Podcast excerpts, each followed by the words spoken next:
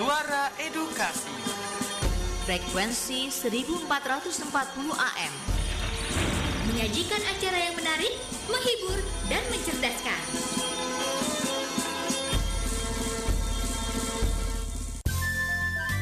Waktu berputar dan perjalanan peristiwa pun berjalan. Ikuti terus info edukasi, sebuah informasi pendidikan dari Radio Edukasi. Info Edukasi, informasi pendidikan Radio Edukasi. Disiarkan dari Jalan RM Marta Dinata Ciputat 1440 AM Suara Edukasi Akrab dan Mencerdaskan. Atau bisa dengarkan di web suaraedukasi.kemdikbud.go.id Halo, halo, halo. Assalamualaikum warahmatullahi wabarakatuh. Agung Ramadi kembali hadir Menemani sahabat edukasi di luar sana Yang tentunya kita masih dalam masa pandemi ini. Kita harus tetap lakukan aktivitas sesuai protokol kesehatan Dan juga aktivitas keseharian kita Itu harus... Uh, menggunakan uh, masker, uh, lalu juga menghindari kerumunan, keramaian agar itu punya tujuan tentunya untuk kita bisa terhindar dari paparan virus COVID-19 dan tentunya yang jadi perhatian soal edukasi akan terus menemani sahabat edukasi dengan informasi-informasi program-program yang menarik. Kali ini Info Edukasi akan hadir dengan informasi terupdate dari dunia pendidikan Kemendikbud Ristek. Dan langsung saja sahabat edukasi, kita simak informasi yang pertama. Info Edu. Informasi pertama di mana kongres pertama musisi tradisi merekomendasikan LMK hingga pengintegrasian dalam pendidikan.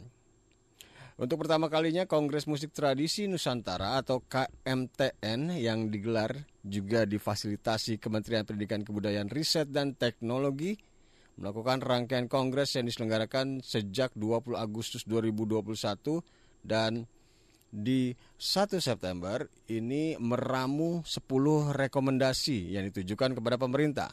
Sepuluh rekomendasi tersebut diserahkan secara simbolis kepada Menteri Pendidikan, Kebudayaan Riset dan Teknologi Nadim Anwar Makarim secara virtual di 1 September dengan 10 rekomendasi. Salah satu butir pertama adalah pembentukan lembaga manajemen kolektif. MK ini ini terkait pembentukannya untuk musik tradisi Nusantara. Menteri Nadiem mengemukakan bahwa pemilihan istilah kolektif untuk sebuah lembaga manajemen seni adalah suatu pilihan yang sangat tepat. Menurutnya seni bukanlah sekedar ekspresi, tetapi juga identitas bersama, identitas Nusantara yang selama ini telah terbangun oleh kolektivitas seni dan budaya, yang termasuk di dalamnya adalah musik tradisi. Kongres merekomendasikan untuk menamai lembaga tersebut dengan nama Lembaga Manajemen Kolektif Musik Tradisi Nusantara.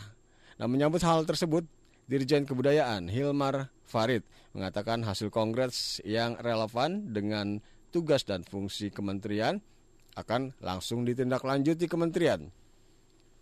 Kemendikbudristek selanjutnya berkomitmen untuk mengawal proses pembentukan LMK sampai ke Kementerian Hukum dan HAM.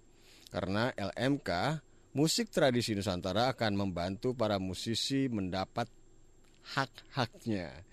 Salah satu poin rekomendasi Kongres yang juga terkait erat dengan pendidikan adalah pentingnya menyediakan dan memasukkan pembelajaran musik tradisi Nusantara dalam pendidikan formal dan informal. Pimpinan Kongres Irwan Syah Harahap meminta pemerintah untuk mengintegrasikan sistem pendidikan formal, informal, dan kultural ke dalam kebijakan Merdeka Belajar.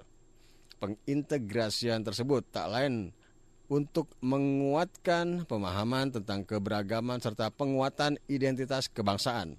Nah, menanggapi rekomendasi tersebut, Menteri Nadiem mengatakan, kami akan mengembangkan materi pengembangan pendidikan ma di musik tradisi untuk pendidikan formal dan informal dari jenjang PAUD hingga SMA, termasuk untuk di sekolah luar biasa. Menteri Nadiem juga menuturkan musik tradisi sebagai identitas Indonesia sempat kurang terurus dengan baik selama beberapa waktu. Akibatnya, menurut Nadim, generasi penerus sempat terlupa dengan akar budayanya. Oleh karena itu, diucapkan terima kasih atas rekomendasi Kongres terkait langkah-langkah ke depan yang harus dilakukan bersama untuk memajukan musik tradisi Indonesia. Baik, sahabat edukasi, info edukasi akan berlanjut dengan informasi-informasi lainnya. Hanya di sore edukasi akrab dan mencerdaskan. Hai pelajar Pancasila, pasti kita sudah sering dengar ya kalau sekarang ini adalah era globalisasi. Ternyata untuk menjadi profil pelajar Pancasila yang baik, kita juga harus menerapkan berkebinekaan global. Terus, maksudnya apa sih ya? Profil pelajar Pancasila yang peka terhadap berkebinekaan global adalah pelajar yang tetap mempertahankan budaya luhur, lokalitas, dan identitas bangsanya, tetapi tidak menutup diri untuk menerima informasi atau budaya lain. Hello, my name is Bintang. Duduh, adik kakak ini sok boleh banget sih ngomong bahasa Inggris segala. Ini namanya adik menghargai budaya lain, Kak. Nanti kalau aku nggak ngerti bahasa Inggris dan ada orang asing yang nanya ke adik gimana? Malu dong kalau harus buka kamus dulu. Mampu menerapkan nilai berkebinekaan global ini dalam kehidupan sehari-hari, kamu bisa memulai dengan mengenal dan menghargai budaya lain. Dengan begitu, kita dapat mengidentifikasi berbagai informasi dari budaya luar sebelum kita coba menerapkannya. Selanjutnya, profil pelajar Pancasila yang sudah menghargai dan paham budaya lain akan mampu berinteraksi dan berempati.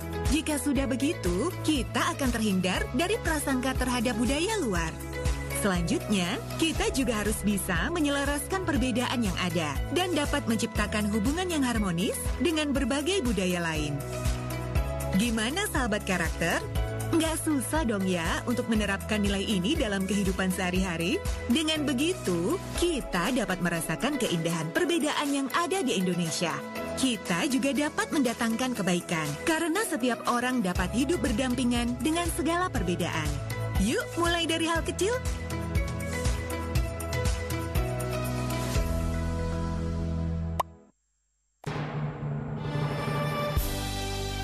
Anak-anak saya pikir yang penting pendidikan tidak bisa ditawar. Masa depan hanya bisa menjadi baik kalau pendidikannya baik. Saya Arif Rahman dari Ketua Harian Komisi Nasional Indonesia untuk UNESCO. Selamat mendengarkan suara edukasi. Terima kasih.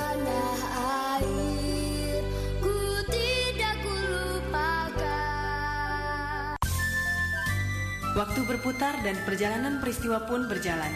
Ikuti terus info edukasi, sebuah informasi pendidikan dari Radio Edukasi. Info Edukasi, informasi pendidikan Radio Edukasi. Kembali aku Ramadi di Info Edukasi di web suaraedukasi.kemdikbud.go.id atau sahabat edukasi bisa mengunduh loh aplikasi bernama TV Edukasi. Lalu setelah diunduh, diinstal, maka suara edukasi bisa didengarkan 24 jam non-stop. Asal sahabat edukasi tentunya terhubung dengan paket data atau juga internet. Baik, masih dari informasi Kemendikbudristek di mana uh, informasi untuk mengenalkan ASEAN kepada peserta didik ini dibuatlah buku ajar yang menyenangkan dan melalui di Association of Southeast Asian Nation atau ASEAN ini adalah perhimpunan bangsa-bangsa yang mewadahi kerjasama negara-negara di Asia Tenggara. Indonesia sebagai negara anggota sekaligus salah satu negara pendiri ASEAN merasa perlu mengenalkan ASEAN kepada para generasi bangsa.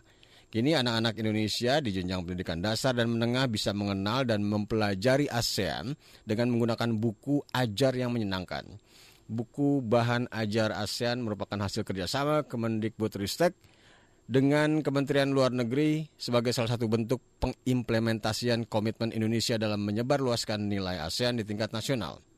Kehadiran buku bahan ajar ASEAN mendapat respon positif dari kalangan guru dengan buku setebal 262 halaman yang dinilai bisa menjadi sumber ajar yang menyenangkan dan interaktif sekaligus mengembangkan karakter positif sesuai dengan profil belajar Pancasila. Muhammad Nasir Pariu Samahu, seorang guru Madrasah Sanawiyah Negeri 2 Maluku Tengah mengatakan, buku bahan ajar ASEAN sangat kontekstual, kreatif, dan dilengkapi dengan pengetahuan materi yang sesuai dengan kompetensi dasar dan konten materinya mudah dipahami dengan peta konsep dan aktivitas siswa yang dihubungkan dengan berbagai bentuk kegiatan seperti teka-teki silang, soal menjodohkan, lalu ada juga tabel TIP, lalu ada tanya jawab, Nah, untuk kebiasaan literasi baca tulis juga diasah dan keterampilan literasi lainnya.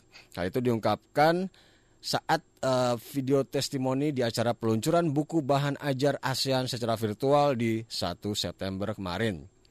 Ada juga Wawan Kurniawan, guru SMA Negeri 1 Batam, Kepulauan Riau yang mengatakan materi dalam buku bahan ajar ASEAN disajikan dengan sangat menarik dan menyertakan contoh-contoh kontekstual dan kekinian. Menurut Kurniawan, aktivitas pembelajaran siswa juga mendukung agar berpikir kreatif. Ia juga mengajak rekan-rekan guru lain untuk menggunakan buku ASEAN, buku bahan ajar ASEAN untuk meningkatkan pengetahuan bagi guru maupun peserta didik. Dan di tahun 2019 memang sudah ditandatangani nota kesepahaman antara Kemendikbud dan Kemenlu tentang peningkatan pemahaman politik luar negeri dan kerjasama luar negeri bidang pendidikan dan kebudayaan.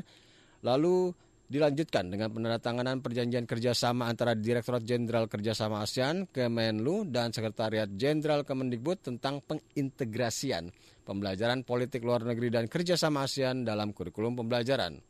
Penyusunan buku bahan ajar ASEAN merupakan salah satu bentuk pengimplementasian komitmen Indonesia dalam menyebar luaskan nilai ASEAN seperti yang telah tertuang di dalam Cetak Biru ASEAN 2025, Melangkah Maju Bersama, dan buku ini juga menjadi langkah strategis dalam menyebar luaskan nilai-nilai ASEAN di tingkat nasional. Bapak, Ibu, peserta simposium, narasumber kita kali ini adalah Bapak Joko yang merupakan fungsional pengembangan teknologi pembelajaran yang cukup senior. Pak Joko itu fungsional pengembangan teknologi pembelajaran. Maksudnya apa ya? Shh, kita simak saja dulu paparannya terkait konsep pembelajaran jarak jauh.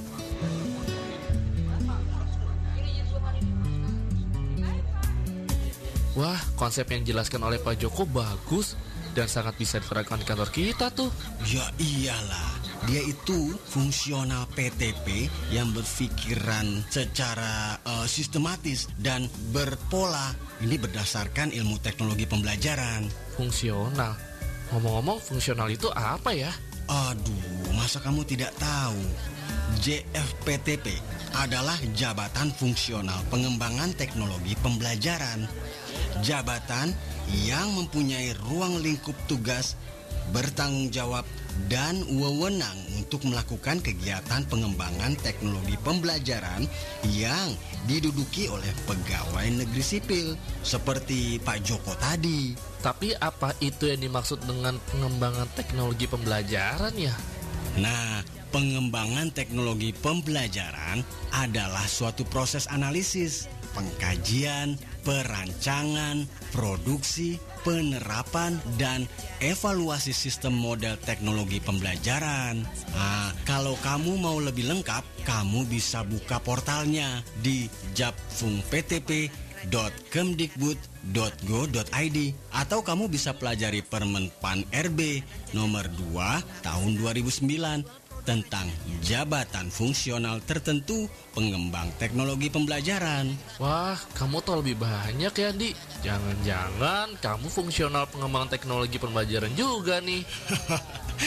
belum, belum.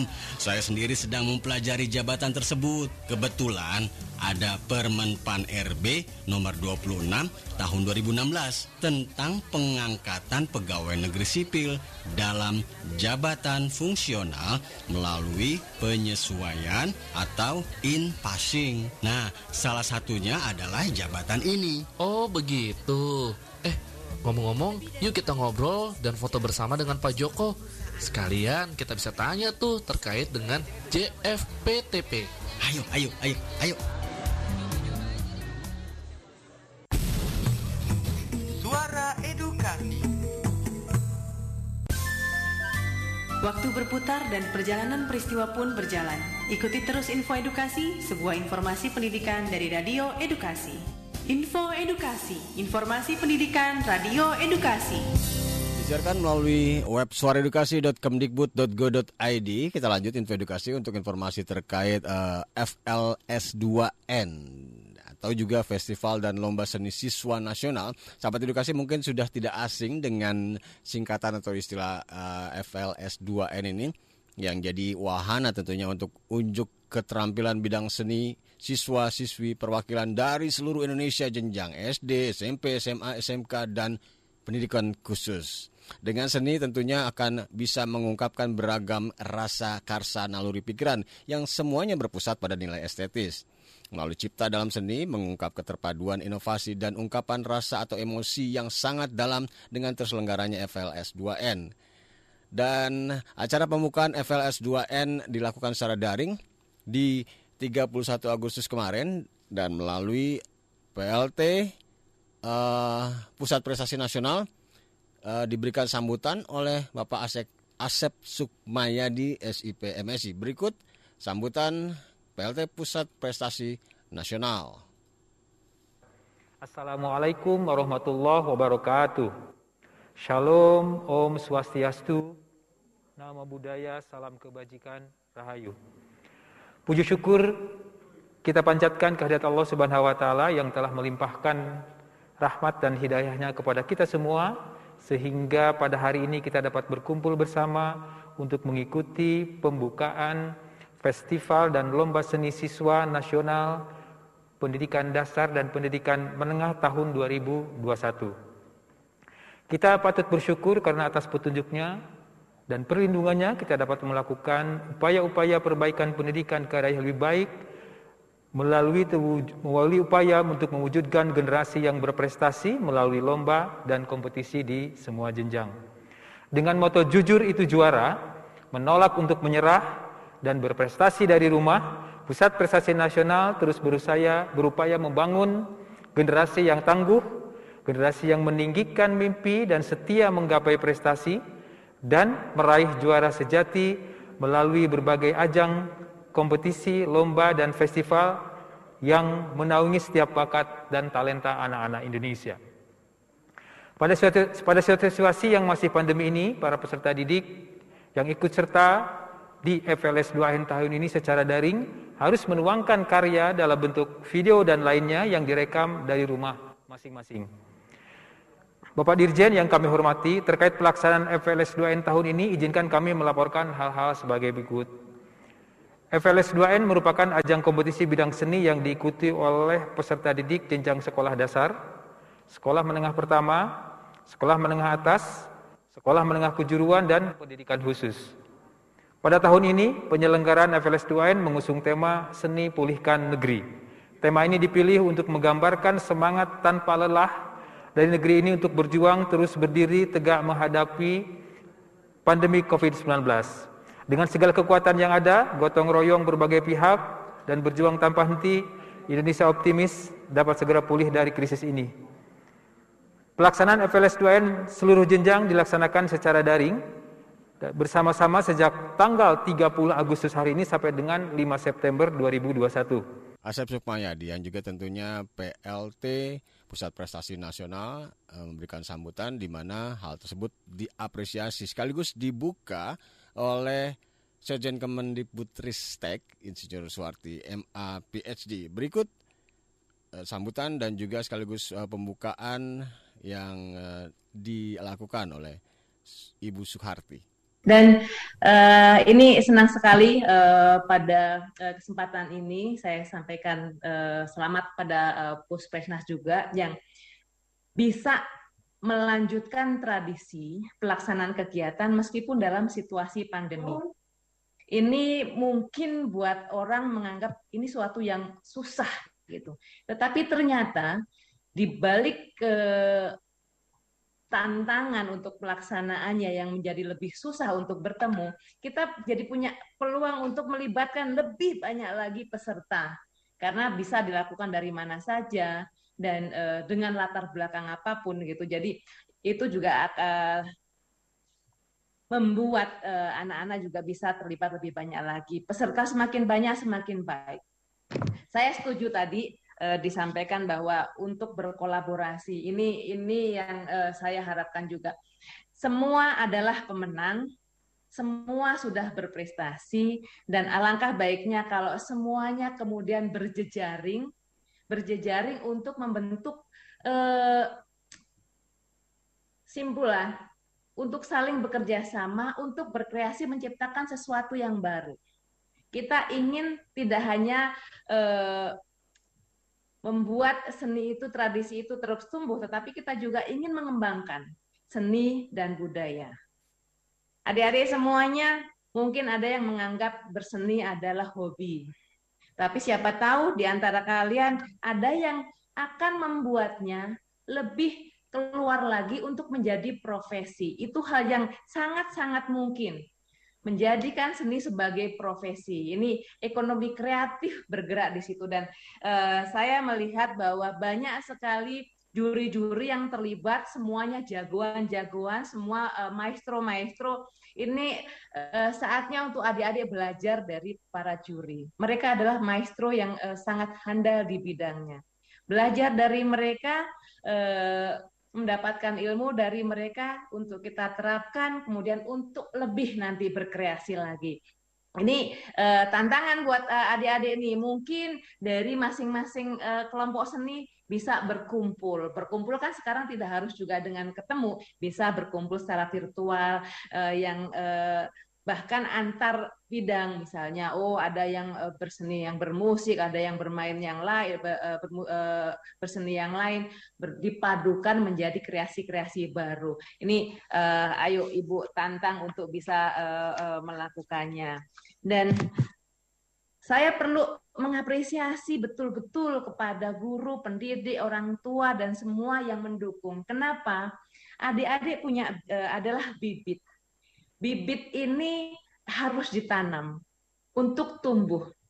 Tetapi ketika sudah ditanam harus disirami untuk bisa berkembang. Apakah itu cukup? Enggak ternyata. Karena harus ada lingkungan yang mendukung supaya tumbuh lagi e, e, talentanya menjadi lebih kuat lagi. Jadi ini uh, apresiasi kami kepada semuanya, termasuk kepada uh, Pusat Prestasi Nasional, kepada uh, Direktorat Jenderal Kebudayaan, kepada uh, Direktorat Jenderal PAUD dan Dikmen untuk semua dukungan sehingga uh, kegiatan ini bisa terjadi. Empati kita tumbuh, kita punya uh, uh, peluang lebih besar lagi untuk ketemu teman-teman yang lain, tidak hanya di sekolah yang sama, tidak hanya di kabupaten sama, tetapi dengan seluruh eh, teman-teman, tidak hanya di Indonesia, tapi juga bisa dengan eh, teman-teman di uh, mancanegara. Jadi adik-adik, selamat ya, dan Pak Pak Asep, Pak Jumeri, kita lanjutkan uh, Bapak uh, tugas kita untuk membina anak-anak kita dan mudah-mudahan bidang-bidang uh, yang lain juga bisa terus kita tingkatkan, uh, bisa kita lanjutkan terlepas bahwa itu uh, dilaksanakan dalam masa pandemi atau tidak. Kita mudah-mudahan tahun depan kalau uh, pandemi sudah uh, uh, sudah tidak ada lagi di Indonesia sudah ter, uh, selesai kita bisa melakukan dengan hibrid ada yang bertemu ada yang tetap uh, daring karena kita ingin tetap memastikan bahwa program ini bisa diakses untuk semuanya yang semula susah untuk pergi ke Jakarta atau ke uh, provinsi-provinsi lain untuk bertemu tatap muka sekarang kita bisa melakukannya dari berbagai mana berbagai macam ujung Indonesia. Gitu saja dari saya. Selamat melanjutkan uh, kegiatan uh, FLS 2N untuk tahun 2021 uh, terus merdeka meluncurkan mimpi, Merelas, uh, merealisasi uh, talenta, menumbuhkan talenta dan tentunya menyiapkan diri eh, menghadapi masa depan yang lebih gemilang. Demikian eh, dengan mengucapkan Bismillahirrahmanirrahim secara resmi eh, FLS 2N tahun 2021 saya nyatakan dibuka. Setjen Kemendikbud uh, Ristek Insinyur Suwarti pada peluncuran atau pembukaan FLS 2N 2021. Baik, info edukasi akan berlanjut dengan informasi lainnya hanya di Suara Edukasi yang akrab dan mencerdaskan.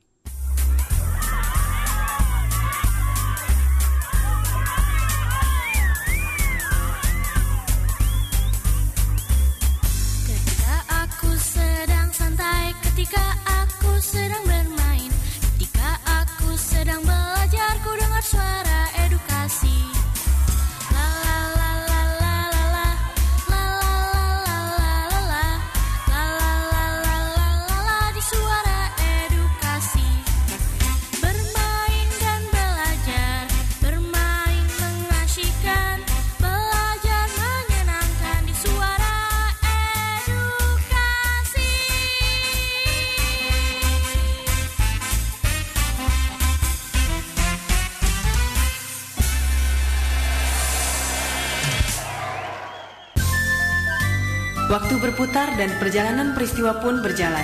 Ikuti terus info edukasi, sebuah informasi pendidikan dari Radio Edukasi. Info Edukasi, informasi pendidikan Radio Edukasi. Edukasi disiarkan langsung dari Jalan RM Marta Dinata Ciputat atau bisa didengarkan di web suaraedukasi.kemdikbud.go.id. Baik, kita sudahi kebersamaan kita di Info Edukasi dengan informasi. Sahabat edukasi tentu sudah tahu dan sudah banyak mungkin di luar sana sekolah-sekolah yang menggunakan akun belajar.id di mana peluncuran program pelatihan admin belajar.id yang sudah dilaksanakan di 1 September kemarin melalui akun belajar.id yang disediakan oleh Kemendikbudristek untuk guru, siswa di seluruh Indonesia dan juga tentunya uh, untuk mendukung operator sekolah pendidikan, admin sekolah, pemerintah daerah, admin dinas pendidikan daerah agar dapat mengenal dan memfasilitasi aktivitas serta pemanfaatan akun pembelajaran oleh pendidik, tenaga pendidikan dan peserta, peserta didik, maka hadir program pelatihan admin belajar.id di mana peluncurannya tentunya uh, dilakukan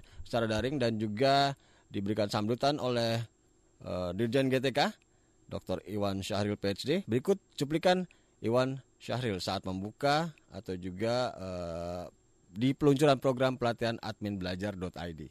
Assalamualaikum warahmatullahi wabarakatuh. Salam sejahtera buat kita semua. Shalom, Om Swastiastu, Namo Buddhaya, Salam Kebajikan.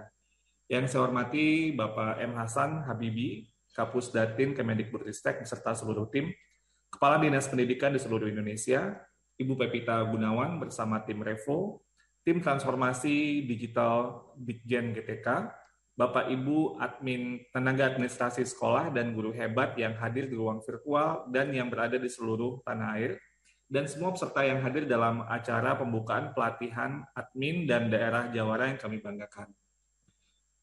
Pertama-tama saya ingin mengucapkan salam sehat dan salam bahagia untuk kita semua yang hadir di acara pembukaan pelatihan admin dan sosialisasi daerah Jawara, baik yang ada di ruang virtual maupun yang ada di lewat uh, di media sosial lainnya.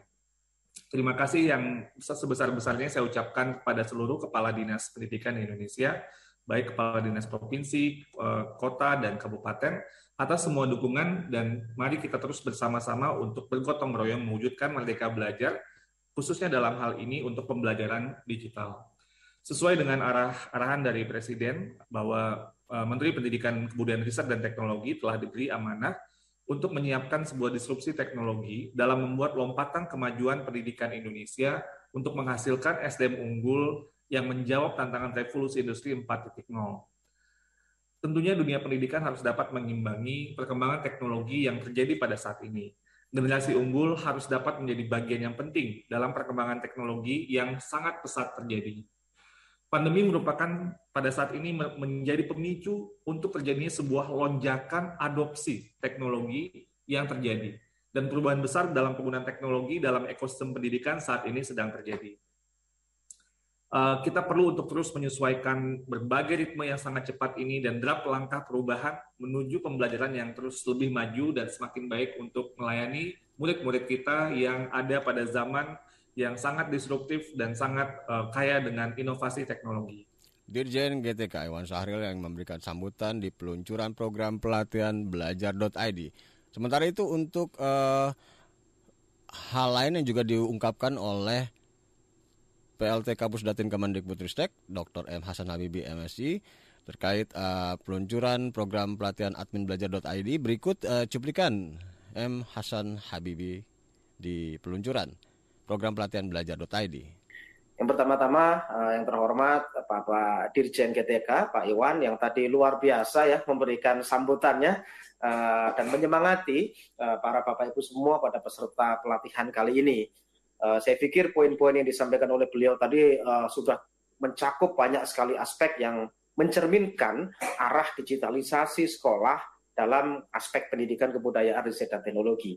Nah pada kesempatan kali ini di depan para bapak ibu yang terhormat perwakilan dari dinas pendidikan provinsi kabupaten kota, uh, saya hanya sedikit ingin menambahkan informasi saja bahwa akun belajar ini uh, secara legal standing itu sudah dipayungi dengan dasar hukum yaitu peraturan Sekretaris Jenderal Kemendikbudristek nomor 16 tahun 2021 di mana pemanfaatan akun pembelajaran ini adalah salah satu di antara banyak sekali pemanfaatan data pokok pendidikan dan akses layanan pendidikan di Kementerian Dikbudristek. Jadi memang benar tadi yang disampaikan oleh Pak Iwan bahwa ini official sudah kemudian uh, secara uh, aturan kita kemudian coba sinkronkan dengan semua dan insya Allah ini akan banyak sekali manfaatnya buat kita selaku para pendidik, para peserta didik maupun tenaga-tenaga yang nanti uh, akan mengoperatori sebagai seorang admin dalam konteks layanan ini.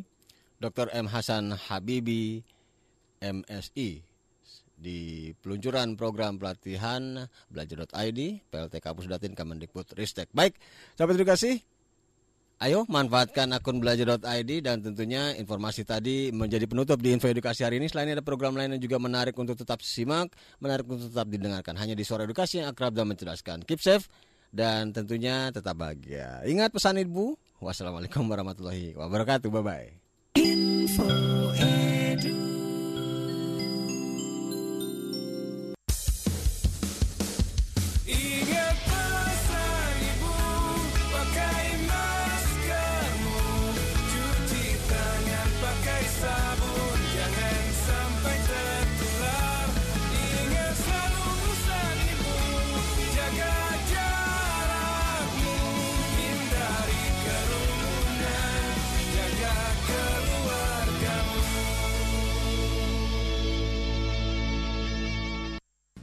Pemanfaatan teknologi yang optimal dapat menghadirkan lompatan kemajuan di bidang pendidikan. Pemerintah melalui Kementerian Pendidikan dan Kebudayaan menghadirkan akun pembelajaran untuk mendorong pembelajaran berbasis teknologi. Akun pembelajaran adalah akun elektronik dengan domain belajar.id yang diterbitkan oleh Kementerian Pendidikan dan Kebudayaan. Akun ini dapat digunakan oleh seluruh peserta didik, pendidik, dan tenaga kependidikan untuk mengakses aplikasi pembelajaran berbasis elektronik. Akun pembelajaran mendukung kegiatan belajar dari rumah di masa pandemi. Juga mendukung proses pembelajaran pada satuan pendidikan melalui penerapan teknologi informasi dan komunikasi di masa yang akan datang. Akun pembelajaran dapat digunakan peserta didik mulai dari sekolah dasar, program paket A kelas 5 dan kelas 6, sekolah menengah pertama, dan program paket B kelas 7 sampai dengan kelas 9 sekolah menengah atas, dan program paket C kelas 10 sampai dengan kelas 12, sekolah menengah kejuruan kelas 10 sampai dengan kelas 13, serta sekolah luar biasa kelas 5 sampai dengan kelas 12. Akun pembelajaran juga dapat digunakan oleh para pendidik serta tenaga kependidikan pada jenjang pendidikan dasar dan menengah yang meliputi kepala satuan pendidikan dan operator satuan pendidikan. Akun pembelajaran dibuat dalam bentuk akun Google dengan domain @belajar.id. Selain bebas biaya, akun pembelajaran otomatis dapat mengakses beragam aplikasi pendukung pembelajaran dalam G Suite for Education yang sekarang sudah banyak digunakan publik. Di antaranya seperti surat elektronik atau email, penyimpanan dan pembagian dokumen secara elektronik, pengelolaan administrasi pembelajaran secara elektronik, penjadwalan proses pembelajaran secara elektronik, pelaksanaan proses pembelajaran secara daring.